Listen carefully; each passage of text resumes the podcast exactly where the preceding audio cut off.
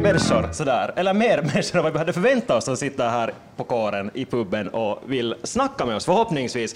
För det som vi alltså vill göra som vi redan förvarnar er som sitter här om, om att vi vill diskutera med er och höra vad ni tycker om det, vad vi säger framför allt. Och vi vill också höra liksom era åsikter. Och om vi säger någonting som ni reagerar på, så tyck till.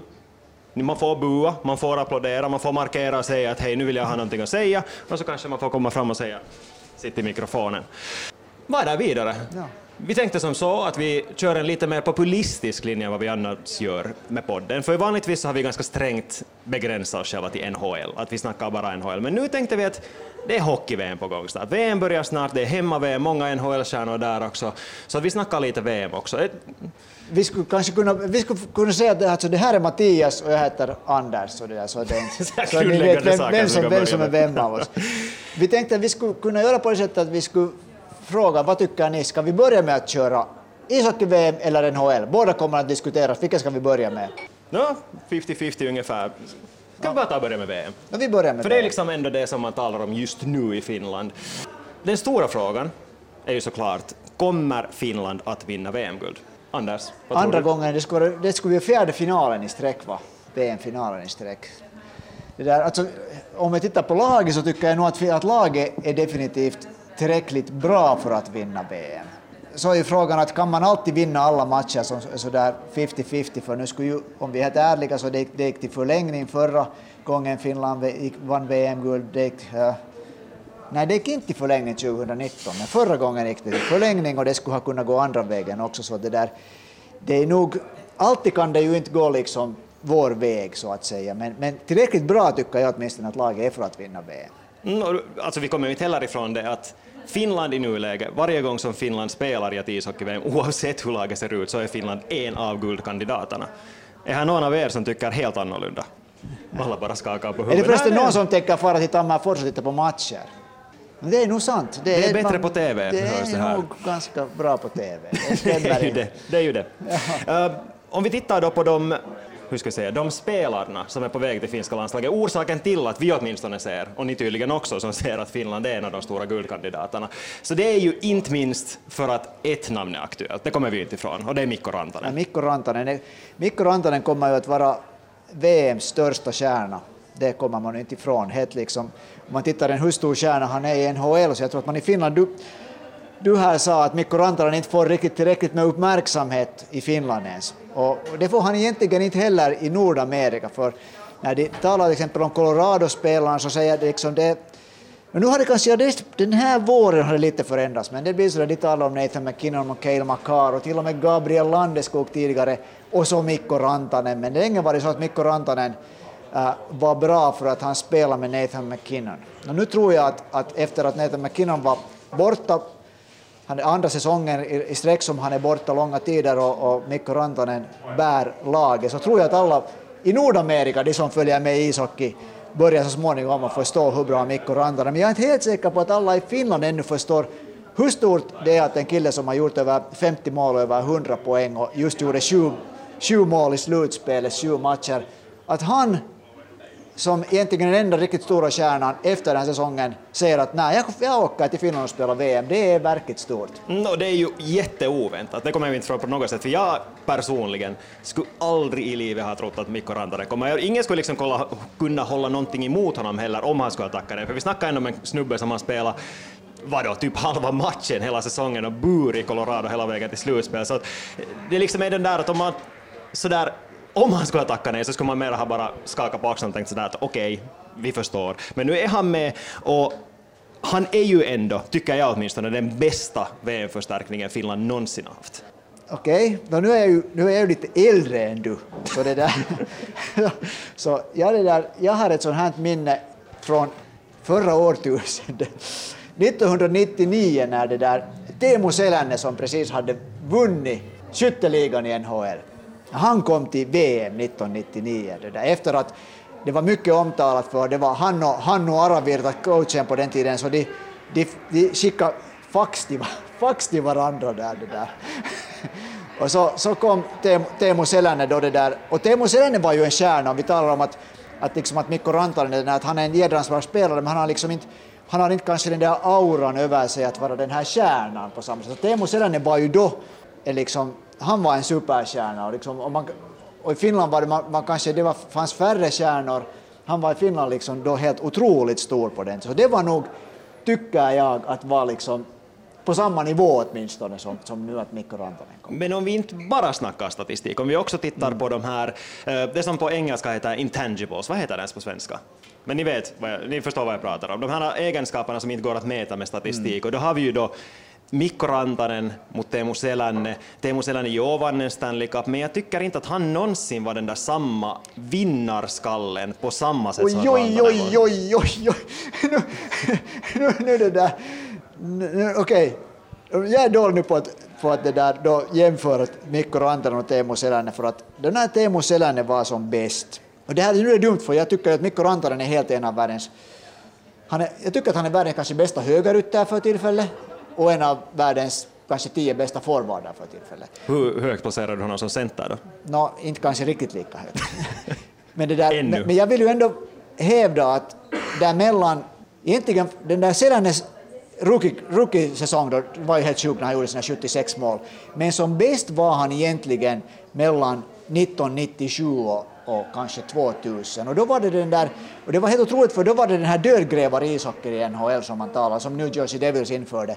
Och det, där, det finns en sån här liksom odokumenterad sanning i NHL att ingen spelare har någonsin fått smaka på lika mycket tvärställd klubb, klubba liksom i, i ländryggen som, som Teemu Selänne under den tiden. För det var enda sättet, det var enda sättet för backarna på det, Chris Pronger ett kompani, sådana här träbockar, att få, få liksom bukt på Teemu Selänne som var jävligt snabb på skrinnarna. Att helt enkelt dra honom med tvärställklubba varenda gång han kom.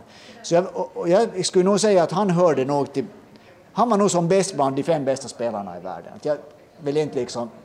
Mikko Rantanen är helt super, men jag vill inte liksom... Jag skulle inte vilja höja honom över Teemu Selänne liksom. Kanske han är bättre på att twittra än Teemu Selänne, men det där, men, men det där som spelare så Teemu var nog... Han var nog otrolig. Mm, jag, tycker nu, ja exakt, nu, nu tar vi med de här som lyssnar och faktiskt vet. Teemu Selänne eller Mikko Rantanen, vem var bättre? Vi börjar med, vem röstar på Teemu Selänne? Tre röstar, aj ja, och Mikko Rantanen då? Tre också bara, det här blir jämnt. Jämnt, men antagligen kan vi komma, det kanske inte helt, där var en till. Ja, Ja. Okay. Men det kanske inte är hemskt viktigt vem av dem var bättre. Båda, båda sjukt bra ska vi komma överens på. Det. Mm, uh, om vi då går vidare till vem som kan utmana Finland om att ta det där VM-guldet. Det gick ju inte vägen för Teemu Selänne 1999. Nej, det gick inte. Kommer det att gå vägen för Mikko Rantanen 2023? Vem, om vi börjar, du, Anders, vem skulle du lyfta fram som den största konkurrenten? Det blir nog liksom eh, på något sätt tjatigt att säga, men jag läste just igår i, i, i Ilta-Sanomat så var rubriken att vilken, liksom, vilke besvikelse att Kanada har kommit med ett sånt här lag till VM. No, den som följer med NHL och tittar på Kanadas lag så jag fick den här känslan att nej, fan anamma att det här blir just det där jävliga laget som inte har de här stjärnorna men som varenda kille som är med där är supersvår att spela. Men det är ett lag med det är liksom en, en, ett land, en landslagsversion på Seattle Kraken. nu vill jag säga att, att Kanada är nog, skulle jag säga, största utmanaren. Mm, alltså jag håller med, för jag reagerar på exakt samma sätt när människor börjar säga just sådär att, att det här kanadensiska laget, här är inte de där stjärnorna, här är, här är ingen Nathan McKinnon, här är ingen Sidney Crosby, ingen Cale McCarr, men samtidigt så där är alla förutom en som är NHL och den här ena som inte är NHL kommer att gå antagligen som tvåa i sommarens draft. Genast en åsikt där. Kan du säga lite vem som är med i Kanadas? Jo, såklart. Har du det där ska jag gräva fram det? Där är, där är av sådana här spelare som, som människor lite mer känner, så till exempel Mackenzie Weegar, förra året i Florida, nu i Calgary. Sen Tyler Toffoli, som ju är en bra målskytt, han kommer också från, från Calgary. Sen det som är en spelare som jag nu inte tror på att kommer att vara jättebra, men som är med, är, är det där uh, Milan Lucic men, ja, kan, alltså, alltså, det som jag har problem med Luch, alltså han är ju en men, bra men jag skulle säga att jag tror inte att han är, jag tror, jag tror att han är en sån här som inte passar i VM. Ja exakt, han passar inte på stor is, Nej. han passar inte mot europeiska motståndare. Han är en sån där som behöver NHL slutspelsregler för att inte sitta i utvisningsbåset ja. hela tiden och inte bli omkörd hela tiden. Ja. Så det här är ju inte ett namnstarkt Men så har det ju fyra procent, fyra platser ännu och en målvakt. Mm. Så det är ju inte ett namnstarkt lag på något sätt, inte kommer vi ifrån det, men samtidigt så nu är det på pappret bättre än Finlands lag nu. No. Att vi vet det där att, ja, att Finland är i princip ett klubblag, och det talar ju för Finland såklart, men Kanada har haft den otroliga förmågan att alltid spela ihop sig. För om man tänker på till exempel VM 2021 när det var den där coronabubblan i, i Lettland, så då var det ju ganska klart från första början att inga NHL-stjärnor tänker komma dit. De orkar inte komma in i en, in i en annan coronabubbla igen. Men så fick Kanada ändå ett ett helt hyfsat lag. Och sen när de började turneringen så var de ju helt usla, för de hade inte typ tränat tillsammans en enda gång för att de måste sitta i karantän. Och sen under turneringen så spelade de ihop sig tillräckligt bra för att slå Finland i VM-finalen. Men då hade inte Finland den där spetsen som de har nu. Nej, Finland hade ett rivskott i förlängningen. Arttu Ruotsalainen. Mm. ja. Ja, och när man talar om att Arttu Ruotsalainen var ungefär den vassaste målskytten i finska Ja. landslaget, då så vet vi att vi är på en helt annan nivå nu, oavsett om Patrik Laine kommer att komma med eller inte. Ja. Vad tror vad, vad, vad, vad det där tycker ni annars? Det där, är, är- det liksom en stor grej att Patrik Laine är med om han är med? Såklart hörs det här endast. Alla nickar. Anders, det känns som att du vill säga att det inte är så stor grej nu när du nej, introducerar men jag är just av den åsikten, för det, det där... eh, För Patrik, Patrik Laine, det är ju helt klart att han, han, han höjs ju kanske på, på lite fel grunder så det följer man med så jättenoga med vad han gör. Men det där, sen tycker jag nog att, det där, att han får en massa sånt skräp och, och det där skit som han egentligen inte är förtjänt av. För att den typen av spelare som han är så, så det där tycker jag fortfarande att i rätt omgivning om han får spela med sådana spelare som kan liksom hjälpa honom med det som han är bra på så är han fortfarande en av de bästa målskyttarna i hela världen vill jag påstå. Alltså det är lite brett hall över. Inte så lite heller. Ja. Inte så lite heller. Du hade en åsikt eller fråga? Jag kommenterar att det kan ju, jag menar han har ju en bra, senast han spelade med Jalonen så gick det ju också ganska bra. Ja, Exakt. Men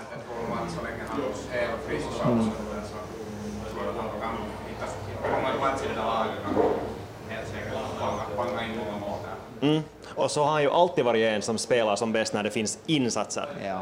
Någonting att spela för och inte bara grundseriematcher i NHL som han nu aldrig liksom har varit sådär jättebra på att göra. Utan att uttryckligen när det är ett VM, när det är ett hemma-VM i hans hemstad, där det finns den där revanschlusten från att han inte nödvändigtvis gjorde sina bästa matcher i Tammerfors när de var där med Columbus Blue Jackets. Jag tror nog också att det bara är, bra, bara är bra om han är med. Men det känns ju nog lite, lite mystiskt, för jag trodde att det var den här tricepsskadan som fortfarande spökar. Men nu när jag har läst lite mer om de här kommentarerna som Jukka Jalonen hade, och både Jeri Lehtinen och Jukka Jalonen gav efter den här senaste matchen, så lät det ju nog som att det är något annat som är där. ja.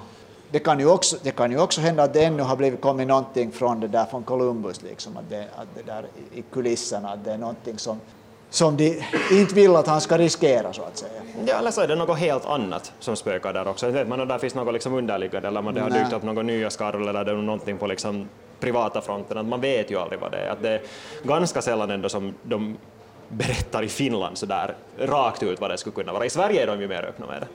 Så jag frågar där. Ja. Ser ni några risker med att ha ett så namn starkt lag i år? Eftersom vi har nått framgång tidigare med ganska namnsvaga lag här de senaste åren, 2019.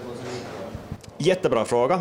Jag tycker att, eller jag tror inte att det finns, för om vi jämför det här laget med fjolårets lag så är det ganska samma mängd NHL-förstärkningar. Att det saknas nu till och med den där riktiga kärnbacken som Miro Heiskanen var. På det sättet är backtruppen sämre eh, och anfallstruppen bättre. Då. Men då hade vi också vi har Mikael Granlund, Joel Armia, inte var där någon annan från NHL. Nu Juho Lammikko var i princip en NHL-förstärkning, men Esa. Lindell. Men han var back också. Jag tänkte på anfallartruppen. Om vi jämför dem, för då är det igen Joel. Armia och nu Mikko Rantanen, Kasperi Kapanen, eventuellt Patrik Laine. Att den här skillnaden är inte så jättestor. Och det här är alla sådana spelare som har spelat för Jukka Jalonen tidigare. Att det blir inte där att du plockar in en massa NHL-divor, utan du vet att det här är killar som har till och med vunnit ju- junior-VM-guld eller senior-VM-guld med Jukka Jalonen, så de vet liksom vad kraven är. Kapo Kakko glömde jag också, han har också vunnit VM-guld, två VM-guld. Tre VM-guld. Ja, ett med Jukka Jalonen. Nej, alltså, jag, jag skulle säga att, att jag, jag, jag, jag tycker att, att no, det, det är liksom det är kanske en sån här lite, att man ser på det igen, kanske lite liksom genom, genom en blåvit lins, men det där. Jag tycker att det är inte en risk med finska ishockeyspelare, för de har liksom den här stigen, den här berömda liksom lejonstigen som de går på, så varenda kille som nu kommer dit har varit, gått igenom. Det finns ingen som inte har hängt med i de här juniorlandslagen och, och, och liksom gått igenom, gått igenom den här skolan och, och det där, de vet alla exakt hur Jalonen spelar. Och, och, det där, och jag tror faktiskt att det är inte liksom tomma ord när de säger att det finns att när man kommer till finska landslaget så finns det inga Egon. Liksom. Det finns ingen som kommer in, och, inte ens Patrik Laine, eller inte Teemu Selänne var inte i tiderna. Att ingen kommer dit som stjärna. Jag tror den senaste som har haft sån attityd i landslaget var Matti Hagman. Och jag är väl den enda som har upplevt honom som är här. Att det där, att det där, att, att, jag, jag tror inte att det i, det där, i Finlands landslag är en risk men det där, om jag får fortsätta på det här, eller vill du ta om det här? Jag tänkte bara snabbt kolla här om det är någon annan som tycker att, eller tycker tvärtom, att finns det enligt er några risker med det här? Eller håller ni med om att äh, Jukka Jalonen har nog fixat ihop det här? Alla har samma åsikt. Att om vi skulle ta lite tillbaka till att det är liksom de andra lag som är på riktigt ut, Kanada konstaterar, men så har jag åtminstone haft höga förväntningar på att i något skede måste det ju vända för Sverige också. För att Sverige är ju inte på något sätt så dåligt som de har sett ut i, i VM de senaste åren. Och jag, hade, jag hade väntat mig hemskt mycket att nu när de, de har den nya coachen Sam Hallam som åtminstone vad jag har hört och läst så borde han vara väldigt populär bland de svenska spelarna. Men nu tycker jag att Sverige har ett ganska magert lag. De har fått Lukas Raymond och det där... Äh, de, alltså de har bara ett par, par NHL-proffs som för tillfället med och ingen av dem är riktigt stora namn. Så jag, jag, undrar om det redan har börjat bli till och med lite i Sverige på det här sättet. Det som jag inte tycker att det är Finland, de här som är liksom medvetna, självmedvetna NHL-stjärnor kanske inte mer på samma sätt smälter in i en svensk landslagstrupp som de finska spelarna är en finska. Är det, här liksom, det här är bara en, en jag vet inte om det är en åsikt, det är en tanke. Jag tror att det är en fel tanke. Okay. För att om du tänker på de spelarna som nu uttryckligen har tackat nej så har vi Elias Pettersson som var för dyr. Mm. Svenska Hockeyförbundet ville inte betala för hans försäkring. Uh, det kan man såklart tycka till om, för där var ju den här ena förstärkningen som jag inte heller nu kommer på förhand på, Zetterlund, som betalar sin försäkring det, själv ur egen ficka för det var så viktigt för honom att spela VM. Men där igen så måste man också minnas att Elias Pettersson kommer att vara med i landslaget varje gång som de eller han är aktuell för det, för Zetterlund är det inte så. Och de som har tackat nej, så där är egentligen bara Erik Karlsson som har haft eller som inte har haft någon vettig, ors, vettig orsak, sagt att han ville tillbringa tid med sina barn, men det är nu sånt. Uh, Erik Karlsson sa att vi, han... Vi är båda pappor. ja, vi får säga sånt där. Uh, Erik Karlsson är vad jag har förstått den enda som rent ut har sagt att han inte vill komma. Att Viktor Hedman till exempel skyllde ju på att han har varit skadad, haft en lång säsong, och de andra spelarna har också uttryckligen sagt att det har varit liksom något skavankar. Och det skiljer ju sig inte från de finska NHL-stjärnor som har tackat nej. Vi har Jose Saros som har tackat nej på grund av skador, vi har haft Ville Husso som kanske inte ens uttryckligen sa att han är skadad men som ändå har tackat nej. Att jag tror inte liksom att den här skillnaden är så jättestor. Så ska vi minnas att de här stora stjärnorna för Sverige, de flesta har en VM-guld. Nåja, no, okej. Okay. Finska stora stjärnor, de, de som, ja, de, det finns en massa spelare i Finland som har VM-guld, men kanske då inte någon av de här riktigt stora stjärnorna. De har junior-VM-guld. Ja. Men om vi vänder på det så här. Ja. Om det här inte skulle vara hemma-VM, och om Finland mm. inte skulle ha vunnit VM-guld på hemmais förra året, och om det inte skulle vara Jukka Jalonen som tränare, tror du att Mikko Rantanen skulle ha kommit då? Ja, det är nog sant. Det, där tror, det, det, där, det, det är sant, det tror jag inte att han skulle. Jag tror kanske inte att Patrik Laine heller skulle ha kommit om det inte skulle om det inte skulle ha spelats i, Tammerfors. Nej, Olli Määttä skulle ha kommit. Ja. ja men, men Sverige oberoende, så det där det att, att Sverige jag hade, jag hade hoppats och väntat på att Sverige skulle komma med ett riktigt bra lag. Det skulle vara enkelt för dem att komma till, till Nokia, Nokia Arena som är, liksom, håller samma standard som en NHL-arena och det är liksom nära, nära Sverige, det är lätt för dem att komma. Men oberoende så tror jag nog att Sverige kommer att vara ett av de lagen som kan ta VM-guld. Jo, alltså nu var, de åkte ut i kvarten i fjol och det var ju en jättestor Eller, besvikelse. Alltså de, åkte, de ledde mot Kanada, var det inte så? De ledde mot Kanada med två mål när det var typ en minut kvar. ja. Det var helt sjukt. Just det, det var den. Var det kvarten? Eller jo, jo, det var kvarten. Ja, just. Så jo, alltså jag tror också att de kommer vara en av de topplagen. Tjeckien kommer att vara bra också. Men det är nu ungefär dem. USA och, är ju helt bedrövliga. Så var det visst ett lag som slog Finland idag. det är sant. Men Schweiz är också... Schweiz är Schweiz, det är liksom, man vet vad deras nivå är och den är ungefär densamma som de spelar på EHT med om man ska vara lite elak. Att, nej, de, de, har ju gjort jättebra VM-turneringar men det kräver också det att de får de där vissa spetsspelarna som i och för sig kan komma om New Jersey Devils åker ut. Men... Vad tror ni blir det andra raka VM-guldet? Ingen. Inte så, att, inte så att vi ska vara optimistiska. Ja. Vi är de enda som är optimister här. Vågar, vågar tro, man hoppas ju alltid. Ja. Det, det finns goda chanser tror jag. Ja. Men så det här, alltså jag har ju också, tror, tror också att jag tycker det finns goda chanser, men på något sätt just att, att det har ju inte varit egentligen så att en enda av de här guldmedaljerna skulle ha varit sån här att den har bara Förutom egentligen i OS så var tog nog Finland med våld, det kan man säga. Då hade nog Ryssland till slut någonting att säga till om. Men de här andra, så nu har det ju varit så att det skulle ha kunnat gå den andra vägen också. Att det, att det kan ju inte alltid liksom gå Finlands väg. Ja, alltså om man frågar kanadensarna så var det Hannes Björninen som filmade till sig en utvisning ja. i förlängningen. Så det, det är små marginaler, det är sant. No, vad tror ni? Är det Kanada? Vem tror på att Kanada vinner guld? Ingen? Ja, ja. just det. Är det Sverige Två. då? Ja. Hoppas inte, det var bra svar. Ryssland är det inte i alla fall. Vi. Tjeckien då? Det är ovisst, det, det kan vi åtminstone slå fast. Ja. Kanske det är Sverige. Ja, för det måste ju något skede liksom... nu tar du, det här är året då de äntligen tar tillbaka den glider in. Ja, ja, det där, får man hoppa lite, jag, jag, jag det där satt två rader från, från det där sargkanten, det där 2003, när Finland, Finland ledde med 5-1 den där matchen. Och det där, Nej, men jag, jag, det där, och, och, för, ja, det, där, ja, det, det har inte gått tillräckligt med tid. Och det där, och det råkade att jag hade faktiskt precis bakom sargen, så det där, så for det där Forsberg, Peter Forsbergs kran förbi där, och så liksom kunde jag ju inte hålla mig, jobba jobbade inte då för Yle, jag var helt där som privatperson, så jag skrek allt vad jag orkade åt honom att Foppa, beställ biljetter till Kanarieöarna. Och fan i nästa skifte gjorde han mål. Så det är ditt fel?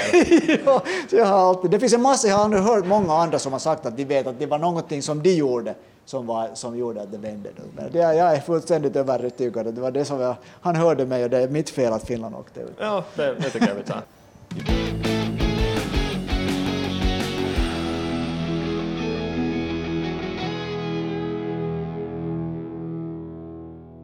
NHL! Slutspelet är i full gång. En match förra natten är samma match som Yle också kommer att sända imorgon och den tänkte jag att vi kanske ändå skulle börja med. Eller det matchparet, alltså Carolina mot New Jersey. Hur många av er var det som trodde att New Jersey skulle vara så här i problem mot Carolina Hurricanes? Var det någon som hade en stark åsikt hur det skulle gå i den här matchserien? Vi hade. Vi hade, vi hade starka ja, åsikter om hur det skulle ja. Vi var båda överens om att det här, New Jersey fixar nog det här, herregud ändå. Ja. Inget snack om saken. Och, och jag skäms ju lite för det, för att jag måste säga att jag har, Carolina på ett sätt, kanske för att de spelar en ishockey som på, i mina ögon lite, lite, lite påminner om finska landslagets spel, så det där, åtminstone principen hur de, hur de liksom tar sina segrar. Jag hade tippat den som segrare, att de tar hem Stanley Cup, men det var före de här skadorna kom. Jag trodde att du skulle fortsätta. Nej, det var, alltså, grejen var ju... Jag är tom i huvudet. Ja, om vi nu liksom motiverar varför vi tyckte som vi gjorde, eller ska vi kanske gå in på varför det inte har gått som vi mm. trodde att det gjorde. Vad är det liksom orsaken till att Carolina har spelat så mycket bättre i dina ögon? Carolina är helt tydligt ett lag som det där systemet verkligen bär. Och sen, sen blir man själv också förblindad av det här att man tycker att, de här liksom, att det är grymt stor skillnad på, på, på, det där, på spelare och spelare. Men det som är nog bra att, att minnas att de här spelarna som kommer till, som är så bra att de kan komma i NHL, så de är nog all, alla egentligen verkligt bra ishockeyspelare. Så när de liksom får det att stämma och de spelar i ett, i ett bra system och har en bra coach och tror på det vad de gör, så, så är det den här otroliga sanningen att egentligen vilket lag som helst kan vinna vilket lag som helst vinna över vilket lag som helst. Och det där Carolina har ju visat hur bra de är. De har mycket bra spelare också. Så egentligen tycker jag att Carolina de har bara liksom förädlat det som de har hållit på med redan i, i flera år.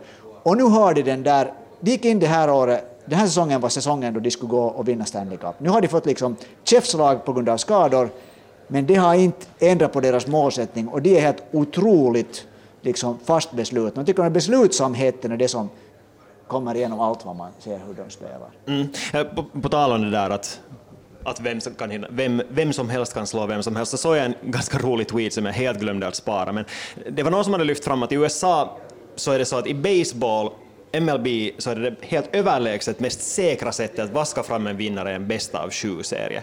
Och för att komma fram till samma säkerhet av att det bättre laget går vidare i NHL till exempel, så borde man ha en bästa av 52-serie. att egentligen är det här bästa av sju i NHL, fast man tänker sig så no, det är ju bara det bättre laget som kan vinna fyra matcher, så egentligen är det inte alls så. Det har vi ju fått se, och det kan vi få se också i den här serien, för hur mycket jag än skulle tro att att Carolina är det bättre laget så känns det ändå som att de inte borde vara det bättre laget för att de har så jättemånga problem. Och jag har också tippat redan i en text som kommer att gå ut imorgon på Ylesportens webbplats att New Jersey kommer att vinna match tre för att i något skede måste det här målfyrverkeriet ta slut hos Carolina för det är inte hållbart att de gör så här mycket mål när de egentligen inte ska kunna göra det. Oj.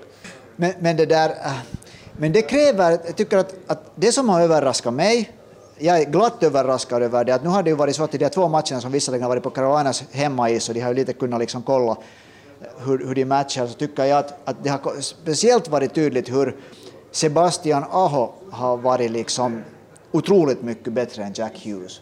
Han har spelat mycket mot Jack Hughes som ju hör till de här som utan vidare han är värd att man hypar honom men liksom snacket i Nordamerika har gått att Jack Hughes är liksom en superstjärna och att han kommer att ta över den här matchserien. Nu har man åtminstone de här två matcherna ställt tills vidare så är han nog som spelare ännu ett nummer mindre än Sebastian Aho och, det där, och Sebastian Aho tycker jag verkligen har visat det nu. Mm, men samtidigt så var han ett nummer större än alla andra i New York Rangers mm. i den första slutspelserien, så det, han är kanske inte ändå rätt spel, spelare att hacka ner på, för att jag tror att han fortfarande har den extra växeln, och det kan faktiskt hända att det är just den här matchningen som på något, sätt kommer, på något sätt kommer bort ifrån, fast det såg vi ju också i, i matchserien mellan Toronto och Florida, att Toronto försökte vaska om lite i den här matchningen och försökte få rätt spelare mot rätt spelare ur deras perspektiv. Och det funkar inte alls för Florida reagerar genast på det och bara bytte kedjor.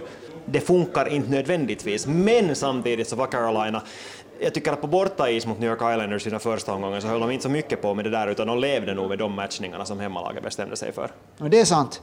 På något sätt åtminstone de här två matcherna nu, nu, nu det där i, mot, mot uh, Devils så tycker jag att man såg den här nervositeten som ofta är hos favoriten under första omgången att vi måste fixa det här. Jag tycker det såg man på Carolina. Det var en sån att, att, att vi måste fixa det här. Men nu tycker jag man har sett i de här två matcherna, jag har blivit överraskad över det att, att, att, liksom, att, att den har liksom, de har varit de har liksom varit så självsäkra i det vad de har gjort. Man ser på någon Jesper i Kotkaniemi, så det där, hur han liksom, han, det sättet som han tar för sig för tillfället, så det där, och, och, inte bara han, också, också sådana här killar som den här Jack Drury, sådana som man liksom aldrig har hört om tidigare före den här säsongen som det där gjort otroligt bra i försäsongen. Så jag tycker att den här Carolinas styrka är, är det här självförtroende i det som de håller på med och, och det att de liksom har ett helt otroligt vältränat lag, superbra backar. Det bästa, de bästa topp får back, back de där trupperna, de lagen som är kvar vill jag påstå. Ja, det var bra det att du sa att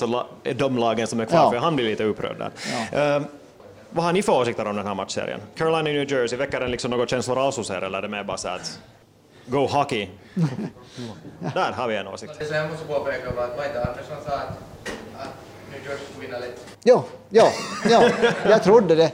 Alltså, ja, lätt kanske jag inte vet om jag, men att jag, tro, jag, jag, jag liksom har trott att, tyckte att det där New Jerseys prestation mot New York Rangers. För nu ansåg jag, jag kan ha haft helt fel i det, så ser det ut, att New York Rangers var liksom ett av de lagen som verkligen såg ut som en potentiell Stanley Cup-vinnare. Så då tänkte jag, och de, ledde, de tog de två första matcherna, aha. så det där, då tänkte jag att, att när New Jersey på det där sättet liksom helt enkelt knockar New York Rangers så kommer de att vara det här laget den här säsongen som fan man ingen liksom lyckas stoppa. Det de går mm. ända fram till... Det är alltid något lag som plötsligt får det, men nu börjar det ju verka som att det kanske skulle vara Carolina som är det laget. Ja, men det igen.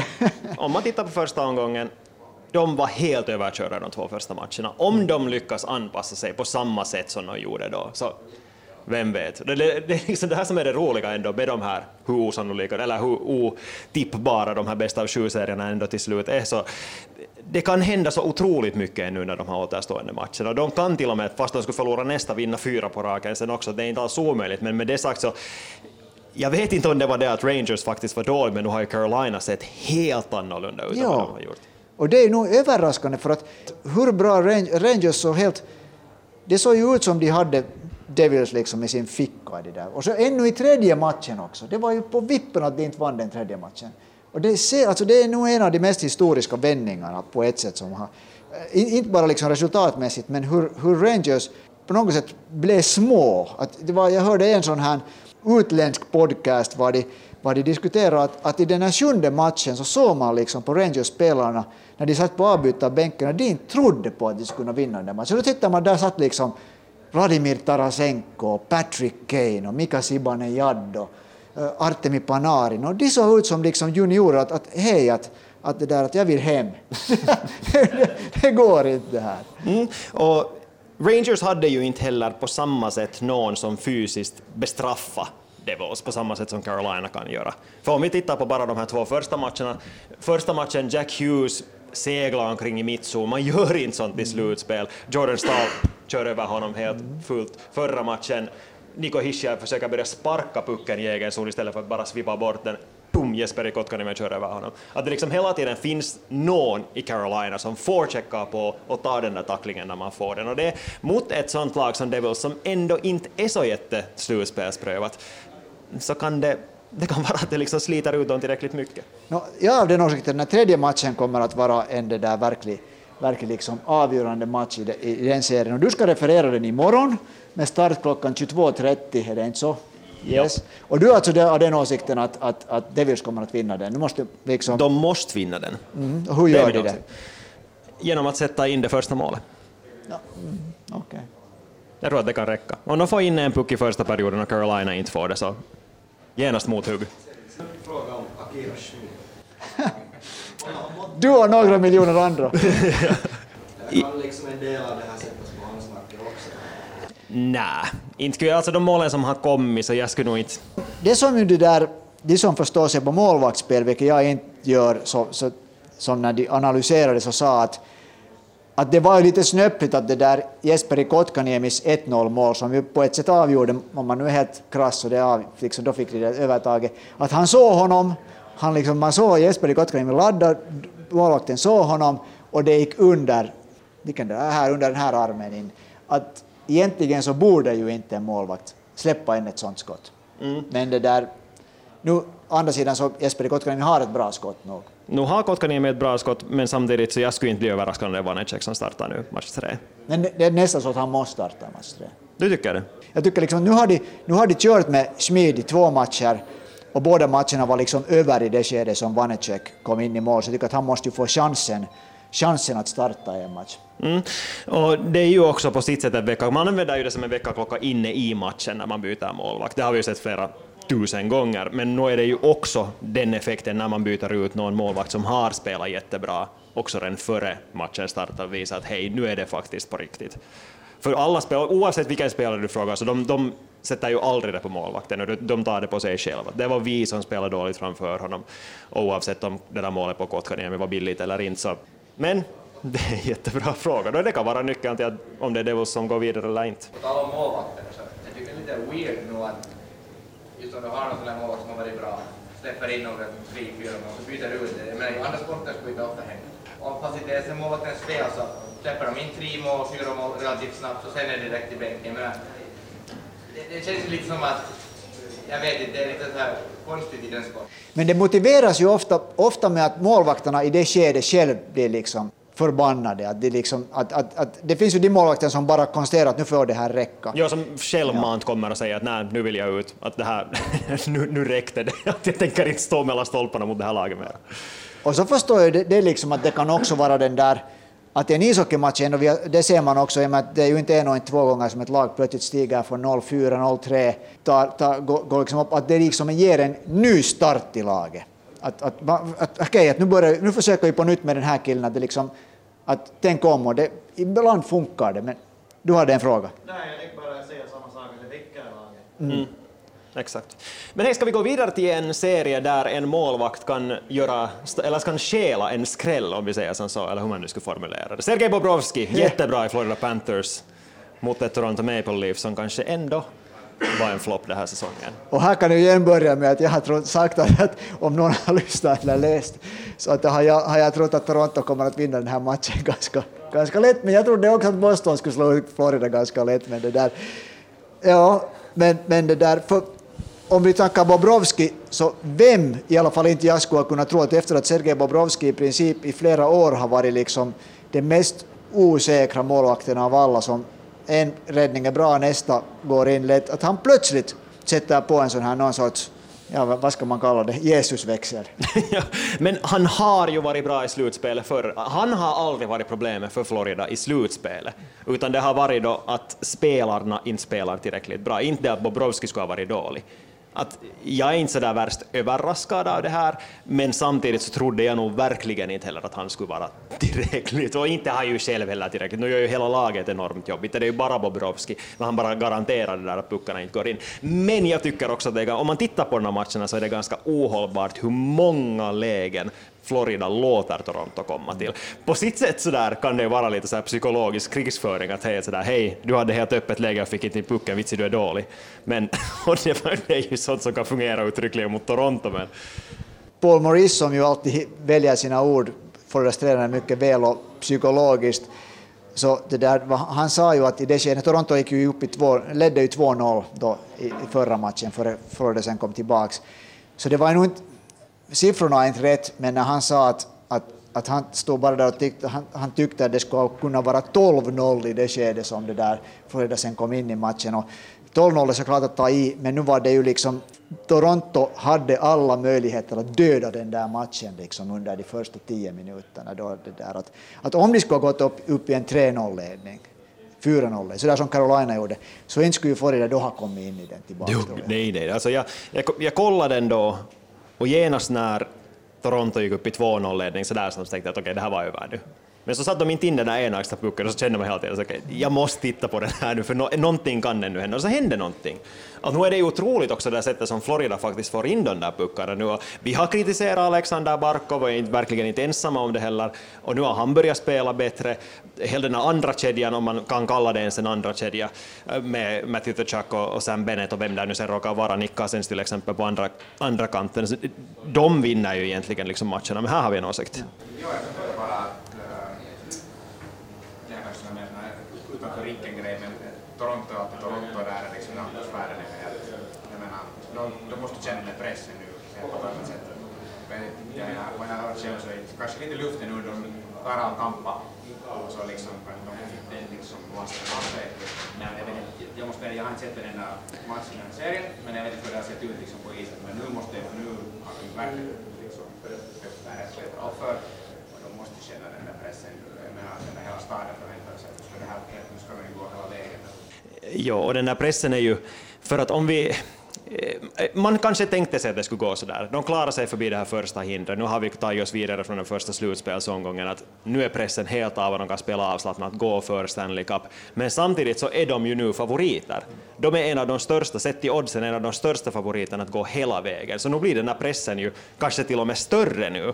Och just publiken, i de här matcherna mot Florida, så de är ju igång från start. Den Toronto-publiken älskar ju när de spelar. Men genast när det börjar gå sämre, så de helt tysta. Eller börjar till och med bua. De buade i slutet på förra matchen. Redan i första matchen ja, så buade de. Och det är liksom redan, det är en jättehostil miljö att spela i. Det påminner ju lite om Florida förra året. De hade liksom sådär, de vann President Trophy. Vilket också betyder att de är inte ett dåligt lag egentligen i år heller. Nej. Uh, och sen kom de förbi Capitals och sen så kör de helt mot väggen mot Tampa. Så lite samma för Toronto nu. De sa första och nu blir det lite vägg igen. Så jag menar, bara för att man slipper förbi första, det är speciellt för Toronto förstås, men det blir liksom en ny värld sen efter första rundan. För inte bara för att man vinner första rundan så vet man ens nära liksom, att vinna hela skiten.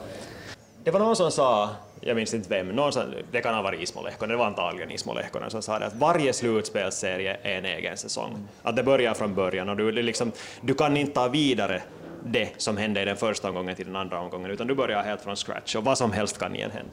Men alltså jag skulle säga att på det sättet så känner jag lite med, med Toronto här, för jag tycker liksom att, att, att de där, deras stjärnor, till exempel Mitch Marner och, och William Nylander och Matthews, Tavares, Ryan O'Reilly, uh, så jag tycker att speciellt i den här andra matchen, så, jag menar att Florida vek ner sig förra året mot Tampa riktigt ordentligt, de var liksom, de såg skrämda ut, men jag tycker att Toronto, liksom, de, de, vill, de, man, de, liksom, de spelar en jädrans liksom, bra match. Det, det var helt frenetiskt det där som de försökte göra mål och, och kvittera. Till exempel hur de höll in pucken i, i det där innanför blå, offensiv blå. Så, så liksom, de gjorde allt annat utom att de fick den där pucken in, in det, där, det där reduceringsmålet där ett Så att på något sätt tycker jag att Toronto liksom, de var, inte, de var hungriga och de ville, ville, ville, var, varje kille ville vinna. Så det där, det är liksom, om man kan förlora lite oförtjänt så tycker jag att Toronto förlorade den där matchen oförtjänt, för, förra matchen. Jag tycker inte att man någonsin kan förlora nej, en match det, oförtjänt. det är och för sig sant. Ja, det är alltid någon orsak till det. Men hej, klockan börjar bli mycket. Vi har nu två slutspelsserier kvar att snacka. Har någon ännu någon åsikt,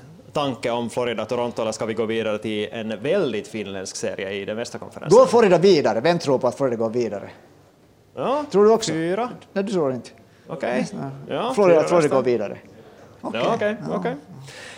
Dallas-Seattle då, 1-1 efter två matcher. Nå, här tycker jag nog att, att det där Dallas skulle ha kunnat vinna den första matchen.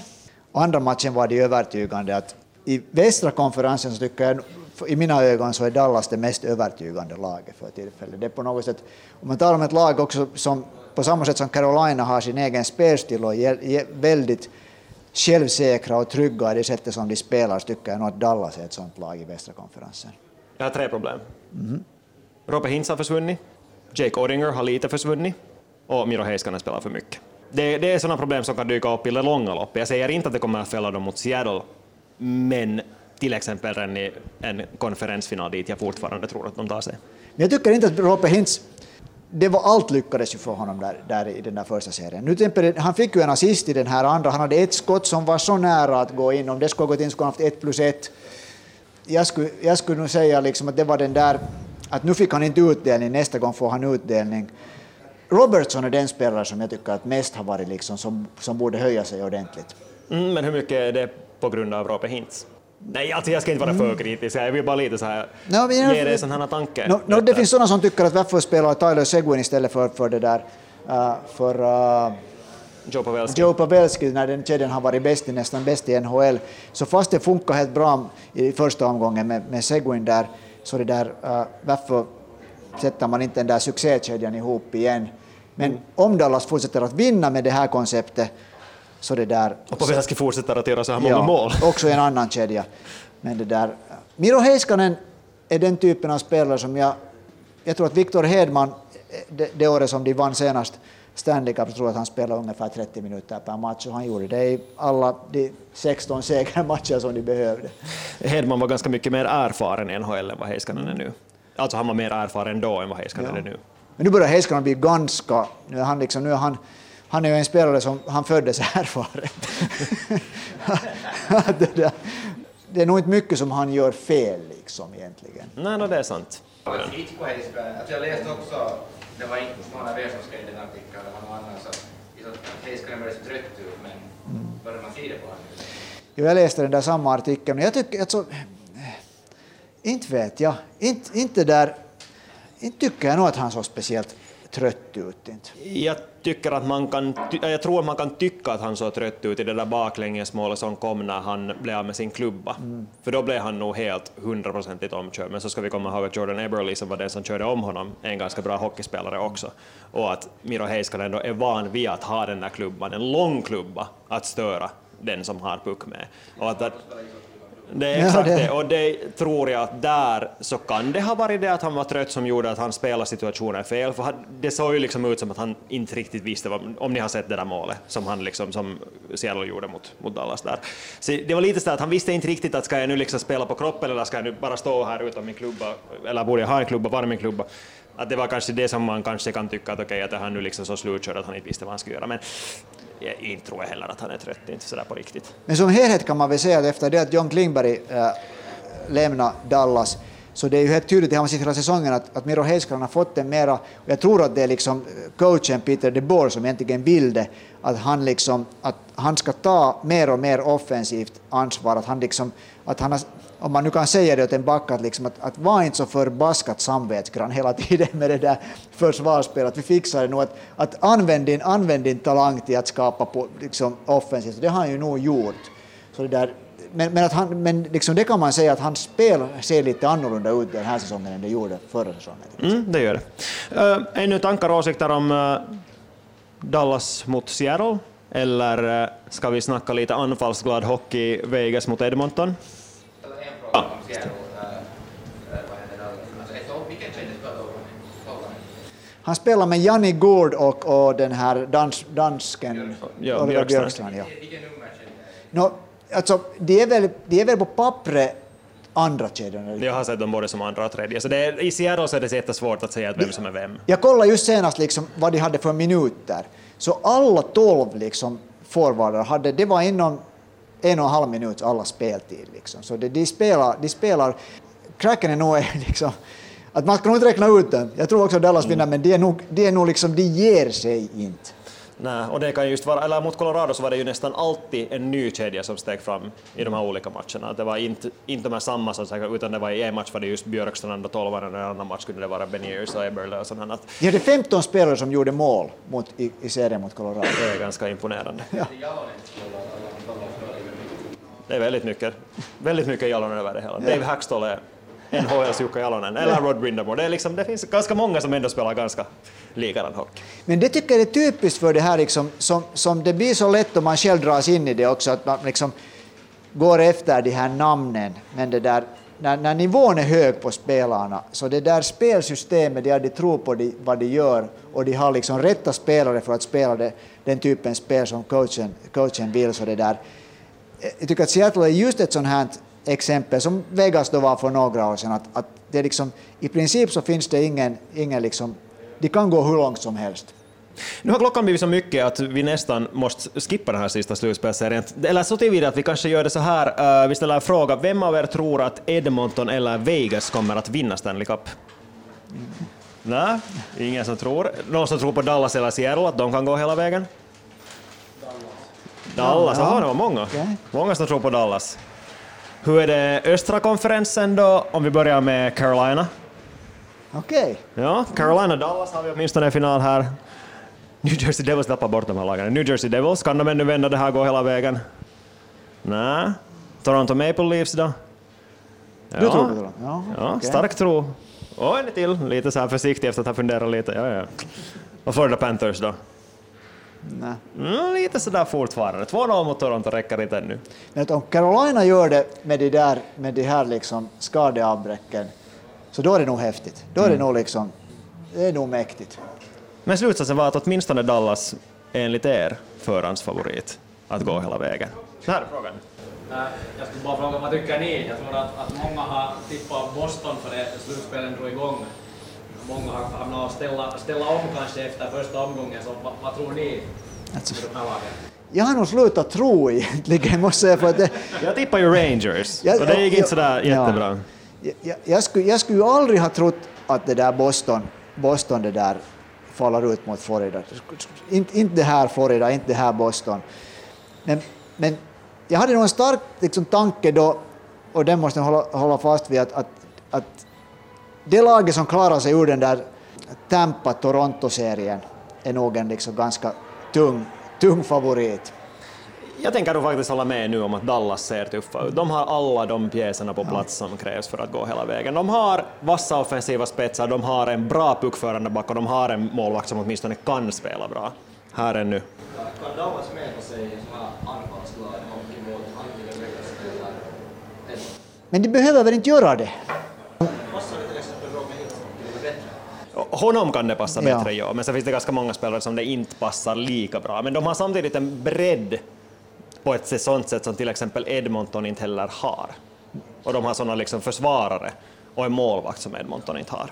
Ja, om man nu tänker att det skulle bli en final mellan Toronto och Dallas till exempel, om det nu skulle gå på det sättet att Toronto lyckas vinna, så nu är ju Dallas försvar, backar tycker jag, ett nummer, liksom, en klass bättre än vad Floridas backar är. En sak som jag tar bara just med.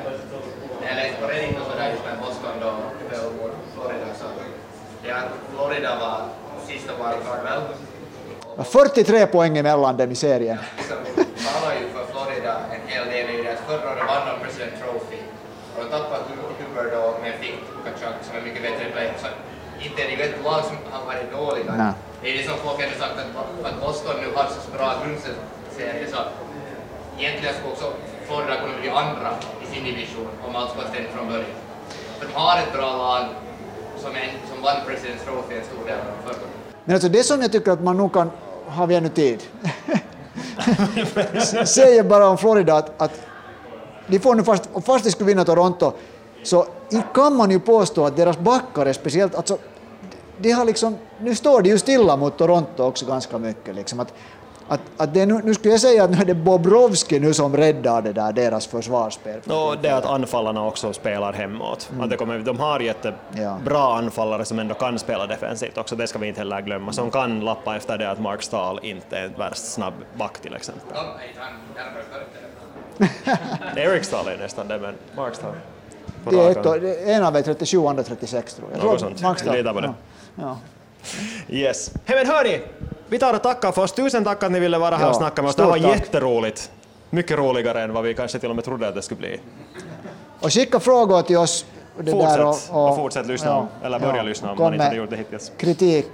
Beröm behöver ni inte komma med, kritik får ni komma Ja, här var rekvisitatypen valde åtminstone att lite jävlas med mina tippningar med att välja just de två lagen som jag var helt bombsäker på att skulle gå vidare från den första. No. Men hörni, tack för oss! Tack, ha det bra. Noin.